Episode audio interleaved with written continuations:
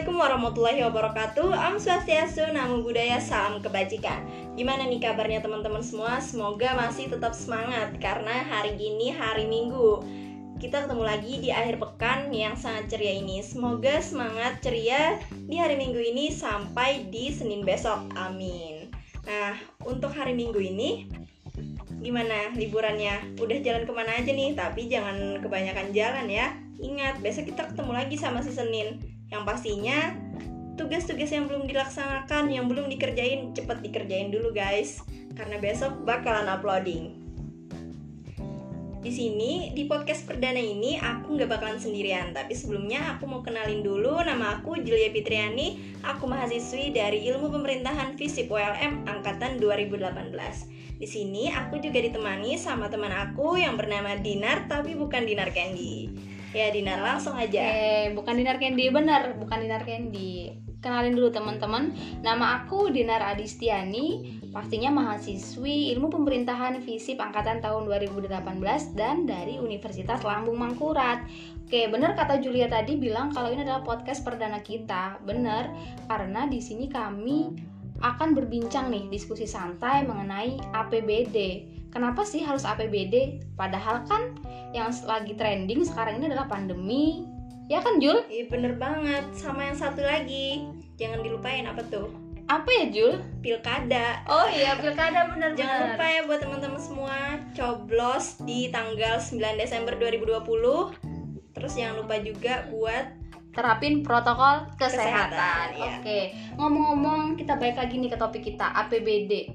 Sekarang yang trending pandemi. Kira-kira ada nggak sih Jul hubungan antara APBD sama pandemi sekarang ini? ada banget lah pasti. Jadi kan pandemi sekarang ini udah dari Desember 2019 ya Nar ya? Iya kalau di dunia Jul, tapi terkonfirmasi di Indonesia eh, Maret rasanya Jul. Iya bener. Nah, jadi pandemi ini sebenarnya udah bikin keadaan dunia itu chaos banget. Carut marut penyelenggaraan pemerintahan di masa pandemi pun mengalami kekacauan. Tidak terkecuali di Indonesia sendiri, salah satu yang paling menonjol adalah di bidang keuangan. Karena ekonomi memiliki peran penting dalam penyelenggaraan pemerintahan. Di Indonesia sendiri, pengelolaan keuangan terdapat di pemerintahan pusat dan pemerintahan daerah yang dianggarkan atau yang biasa disebut dengan APBD. Pada podcast perdana kita kali ini bakalan ngebahas tentang APBD, PAD, juga serta opini Badan Pemeriksa Keuangan, lebih khususnya di WTP gitu, Nar. Nah, sini aku mau nanya dulu nih kamu. Gimana pendapat kamu tentang APBD? Apa sih pengertiannya biar kita sama teman-teman semua juga tahu gitu loh. Oke oke boleh. Pertama aku kasih tahu dulu deh APBD menurut Undang-Undang Nomor 33 Tahun 2004 tentang perimbangan keuangan antara pemerintah pusat dan pemerintah daerah. Ada di pasal 1 ayat 17. Anggaran pendapatan dan belanja daerah yang selanjutnya disingkat APBD adalah rencana keuangan tahunan pemerintahan daerah yang dibahas dan disetujui bersama oleh pemerintah daerah dan DPRD dan ditetapkan dengan peraturan daerah. Terus ada lagi nih menurut Peraturan Menteri Dalam Negeri Nomor 21 Tahun 2011. APBD adalah rencana keuangan tahunan pemerintah daerah yang dibahas dan disetujui oleh pemerintah daerah dan DPRD serta ditetapkan dengan peraturan daerah. Nah, itu tadi definisi APBD berdasarkan Undang-Undang Nomor 33 Tahun 2004 dan Kemendagri Nomor 21 Tahun 2011. Jika kita tarik kesimpulan berdasarkan definisi tadi, bagaimana ya Jul? Nah, jadi APBD merupakan rencana keuangan tahunan oleh pemerintah daerah di Indonesia.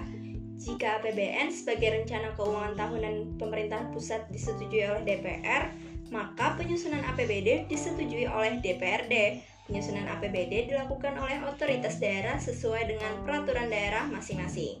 APBD juga memiliki tujuan sebagai pedoman pemerintah daerah dalam mengatur pendapatan daerah serta pengeluaran daerah demi kesejahteraan daerah.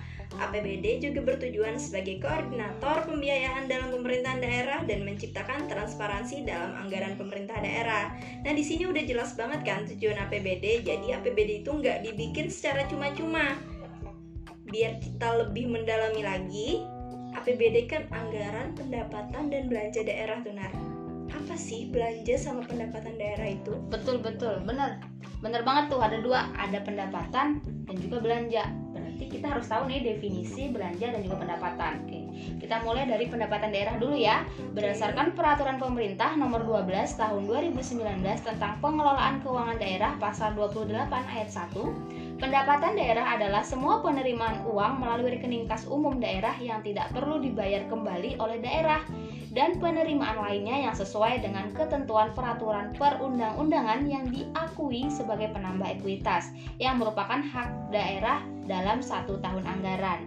Sedangkan definisi belanja daerah yaitu semua pengeluaran dari rekening kas umum yang tidak perlu diterima kembali oleh daerah dan pengeluaran lainnya yang sesuai dengan ketentuan peraturan perundang-undangan diakui sebagai pengurang ekuitas yang merupakan kewajiban daerah dalam satu tahun anggaran.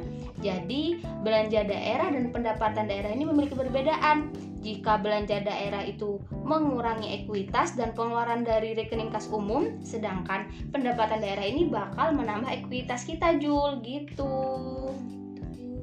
Nah, ngomong-ngomong kita sudah bahas definisi sampai definisi belanja daerah dan pendapatan daerah. Berarti dalam hal APBD ini ada yang namanya mekanisme ya, Jul? Bener banget. Nah, gimana sih, Jul, mekanisme dari awalnya sebuah rancangan APBD atau RAPBD menjadi APBD, Jul? Nah, jadi pengesahan rancangan anggaran pendapatan dan belanja daerah menjadi APBD itu ada lima tahap. Nah, menurut peraturan pemerintah nomor 12 tahun 2019 tentang pengelolaan keuangan daerah pasal 104. Yang pertama, yaitu penyampaian dan pembahasan rancangan peraturan daerah tentang APBD. Di sini, kepala daerah wajib mengajukan rancangan peraturan daerah tentang APBD disertai penjelasan dan dokumen pendukung kepada DPRD paling lambat 60 hari sebelum satu bulan tahun anggaran berakhir untuk memperoleh persetujuan bersama antara kepala daerah dan DPRD satu bulan tahun anggaran berakhir. Satu satu bulan sebelum tahun anggaran berakhir berapa coba Nar? Uh, November Jul. Bener deh kayaknya. Bener pasti bener nah, dong. nah gitu. Jadi bulan Desember itu tahun anggaran udah berakhir. Nah, selanjutnya, kepala daerah yang tidak mengajukan rancangan peraturan daerah tentang APBD sebagaimana dimaksud pada ayat 1 dikenai sanksi administratif sesuai dengan ketentuan peraturan perundang-undangan. Kepala daerah dan DPRD wajib menyetujui bersama rancangan peraturan daerah tentang APBD paling lambat satu bulan sebelum dimulainya tahun anggaran setiap tahun. Langkah yang kedua yaitu pemerintah daerah menyusun rancangan pendapatan dan belanja daerah. Lalu pemerintah daerah mengajukan rancangan anggaran pendapatan dan belanja daerah kepada DPRD untuk dibahas bersama. Selanjutnya, pada pembahasan ini, pihak pemerintah daerah dilakukan oleh tim anggaran eksekutif yang beranggotakan sekretaris daerah, Bapeda dan pihak-pihak lain yang dianggap perlu. Sedangkan DPRD dilakukan oleh panitia anggaran yang anggotanya terdiri dari tiap fraksi-fraksi. Nah, yang terakhir, rancangan yang telah disetujui DPRD disahkan menjadi APBD melalui peraturan daerah untuk dilaksanakan. Itu. Hmm. Nah, di sini kan mekanismenya udah lumayan rumit nih. Udah bikin mumet tuh.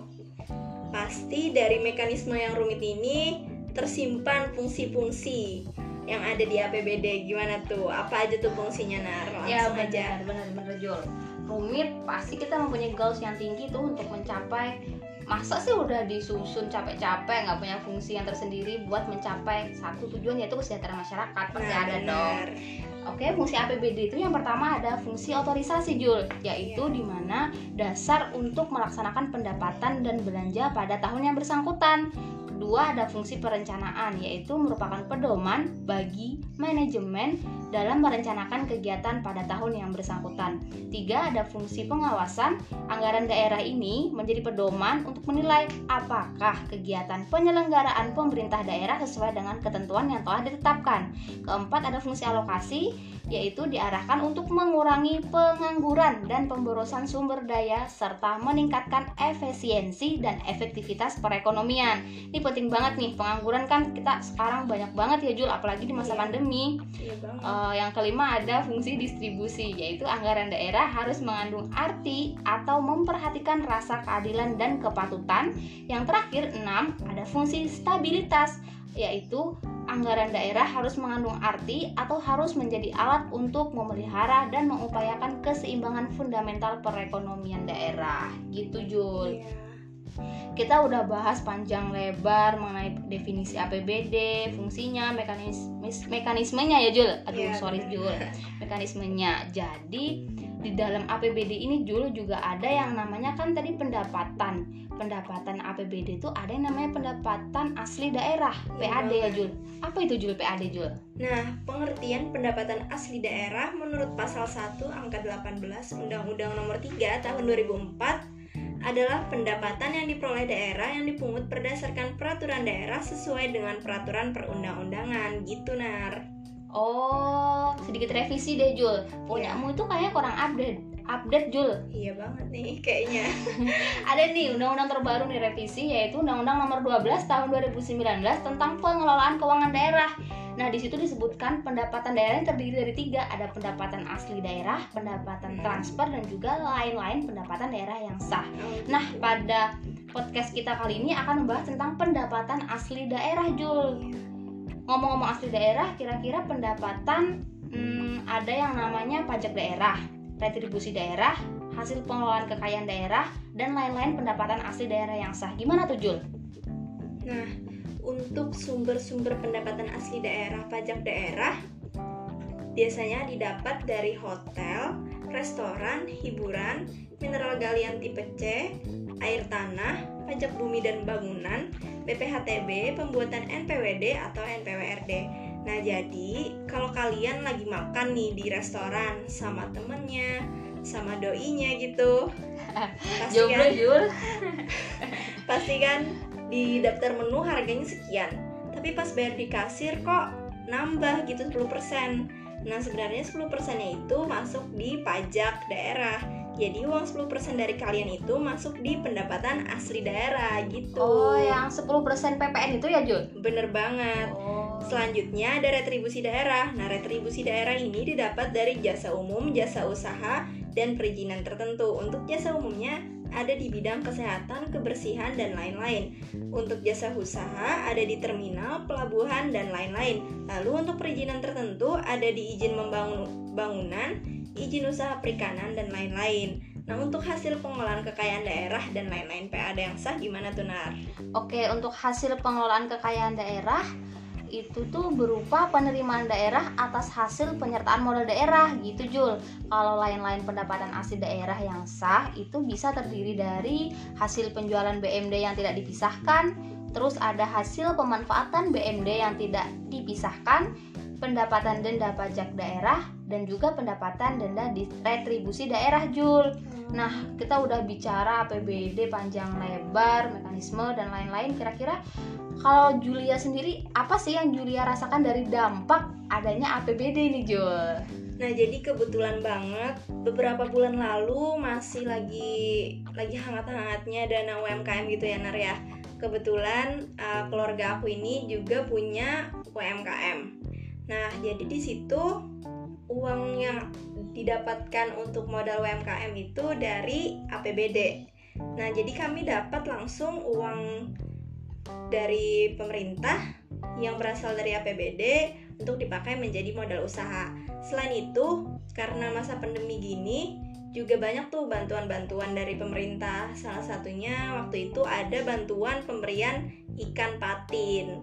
Lalu ada juga pemberian sembako. Nah, gitu sih kalau aku yang langsung ngerasain sendiri, Nar. Oh, itu daerah kamu. Oh, Kabupaten Banjar, Jul. Iya bener, kamu kan Bener. juga. Iya sama Kabupaten Banjar. Kalau aku sih Jul, kayak yang aku rasain ini kan aku ada kayak ikut-ikut kegiatan gitu Jul ke daerah-daerah yang dalam-dalam tuh sekarang karena jalan-jalan desa itu ada yang sudah diaspal Jul. Jadi itu adalah dampak dari adanya APBD Jul sampai ke pelosok desa gitu. Kita sudah bahas mengenai rancangan dan sebagainya. Kurang afdol kalau kita nggak bahas yang namanya duit Jul. Bener banget, siapa sih yang gak tertarik sama uang kan? Aduh, Apalagi nominalnya banyak nih. semua suka sama uang kayaknya. Iya.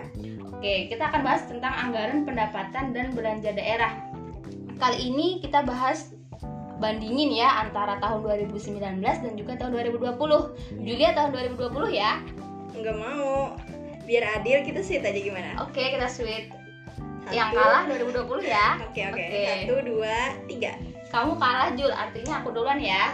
Oke, Oke. anggaran pendapatan dan belanja daerah tahun 2019 yang pertama ada PAD, PAD-nya itu sebesar 185 miliar 457 159.100 rupiah Jul. Itu tahun anggaran tahun 2019. Kalau misalnya 2020 berapa Jul? Nah, untuk pendapatan asli daerah tahun anggaran 2020 ada 190 miliar 282 juta 306.235 rupiah.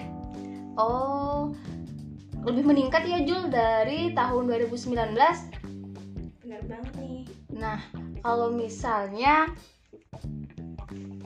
teliti teliti lebih jauh nih Jul ya, kenapa ya kok bisa adanya meningkat? Iya bener emang meningkat. Kenapa ya Nar? Aduh, kenapa deh, Coba. Kita bikin Mungkin sama-sama. itu ya mungkin em, sadar pajak masyarakat Oh. udah mulai baik. Bener-bener partisipasi masyarakat. Nah, Iya. itu dilihat dari belanja masyarakat yang semakin meningkat, Iya Jul. bisa Oke, juga. tadi ada PAD.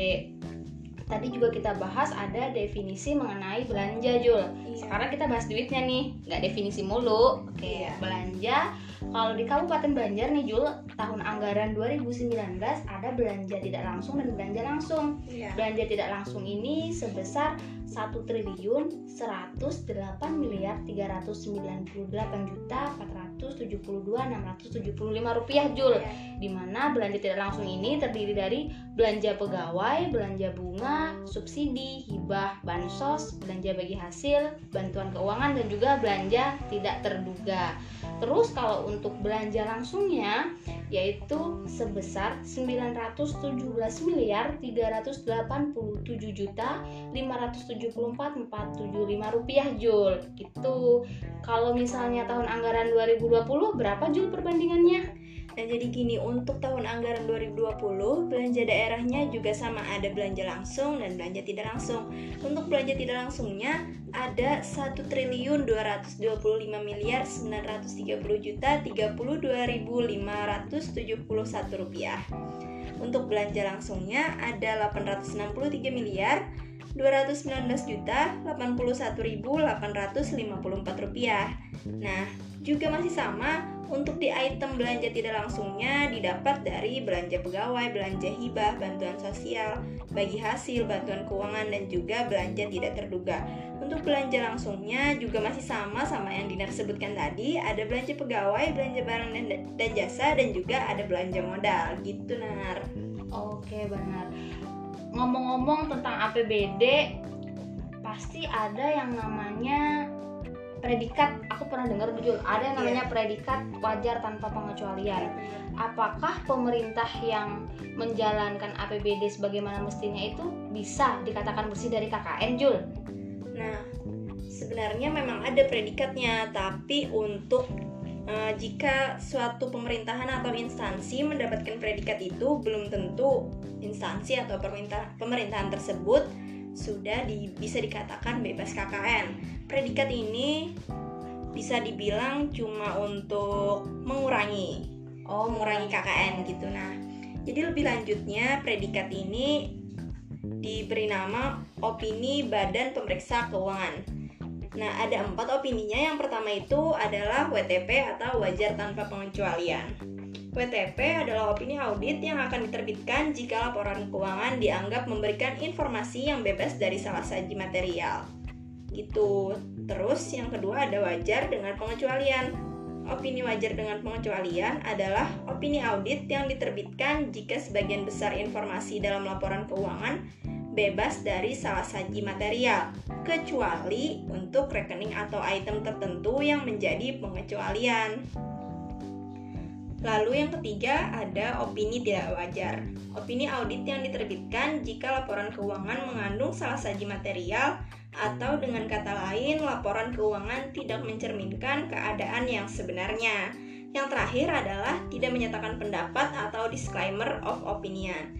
Oleh sebagian akuntan dianggap bukanlah sebuah opini dengan asumsi jika auditor menolak memberikan pendapat, artinya tidak ada opini yang diberikan. Opini jenis ini diberikan jika auditor tidak bisa meyakini apakah laporan keuangan wajar atau tidak. Gitu Nar, coba deh kamu jelasin lebih lanjut gimana sih WTP itu? Oke, aku sedikit jelasin ya. Menurut Komite Standar Pemeriksaan Keuangan Negara tahun 2008, opini wajar tanpa pengecualian atau WTP ini menyatakan bahwa laporan keuangan telah disajikan dan diungkapkan secara wajar dan cukup dalam semua hal yang material. Laporan digunakan oleh pengguna laporan keuangan berupa opini yang dinyatakan dalam bentuk buku laporan hasil pemeriksaan atas laporan keuangan. Terus, uh, opini WTP ini merupakan pernyataan profesional pemeriksa mengenai kewajiban keuangan yang disajikan dalam laporan keuangan yang didasarkan pada kriteria yang pertama ada kesesuaian dengan SAP. Nah, pencatatan angka-angka antara lain seperti pendapatan, belanja, pembiayaan, aset, hutang, dan ekuitas itu dalam laporan keuangan harus sesuai dengan SAP. Selanjutnya ada kecukupan pengungkapan Jul. Untuk menjaga transparansi pengelolaan keuangan, BPK juga harus memastikan seluruh informasi penting yang terkait dengan pengelolaan keuangan telah diungkapkan dalam catatan atas laporan keuangan. Pastinya transparansi ini penting kepada masyarakat di daerah supaya pemerintah ini terbuka atas informasi yang berkaitan dengan pemerintahan gitu. Yang ketiga ada kepatuhan terhadap peraturan perundang-undangan. BPK harus melakukan pemeriksaan terhadap pelaksanaan anggaran dan pengelolaan aset dengan melihat kesesuaiannya terhadap ketentuan peraturan perundang-undangan. Misalnya nih, kayak pengadaan barang dan jasa, itu tuh harus sesuai dengan ketentuan yang mengatur pengadaan barang dan jasa serta pelaksanaan perjalanan dinas tuh juga harus sesuai dengan ketentuan perjalanan dinas termasuk besaran rupiahnya yang dikeluarkan. Yang keempat ada kriteria efektivitas SPI atau sistem pengendalian intern, di mana BPK harus memeriksa SPI dalam pengelolaan keuangan aset. SPI ini juga bertujuan untuk memberikan keyakinan yang memadai atas tercapainya efektivitas dan efisiensi pencapaian penyelenggaraan pemerintahan, kendala laporan keuangan, pengamanan aset, dan ketaatan peraturan perundang-undangan gitu.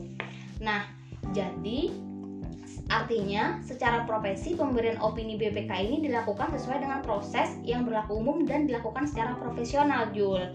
Oke, ngomong-ngomong tentang WTP, apakah ada Jul pemerintah daerah yang memiliki predikat PTP tapi bersih dari KKN?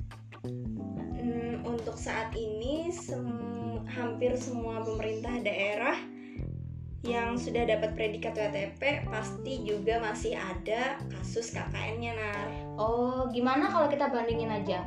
Aku Ayo. ngambil pemerintahan ibu kota Jakarta deh. Ya boleh boleh. Nah, aku ngambil daerah kita sendiri ya, Kabupaten Banjar. Jadi langsung aja untuk Kabupaten Banjar, Kabupaten Banjar sendiri sudah tujuh kali berturut-turut dapat predikat WTP. Tapi kasus korupsi pun juga masih ada. Nah, contohnya yang terakhir ini ada kasus korupsi PDAM Intan Banjar. Terus untuk pembangunan sarana prasarana pun masih belum rata sampai ke pelosok-pelosok gitu nar. Kalau di DKI Jakarta sendiri gimana tuh? Kalau di DKI Jakarta ini sejak tahun 2017 jadi tiga tahun terakhir nih dia dapat opini WTP Jul DKI Jakarta nih. Tapi masih ada beberapa yang kayak segitu sih jadi harus diperbaiki. Contohnya kayak korupsi juga masih ada sih yeah, kayak korupsi yeah. di PNS banyak sekali pejabat itu yang melakukan korupsi. Terus mengenai pembangunan ada uh, kayak pengadaan piutang kompensasi rumah susun yang murah sederhana itu belum memadai ditambah pemerintah DKI Jakarta ini belum menetapkan SPPT PBB tahun 2018 dan 2019 atas tanah dan bangunan di Pulau Maju salah satunya. Jadi belum tentu ya Jul kalau WTP itu bersih dari KKN dan nggak ada masalah pembangunan di daerahnya Jul. Bener banget. Eh Jul, kita nih udah bincang panjang lebar sampai nggak inget waktu nih. Iya udah banget. lama banget juga ya ternyata. Bener udah lama banget nih kita bicara. Kayaknya kita cukupkan deh podcast kita hari ini.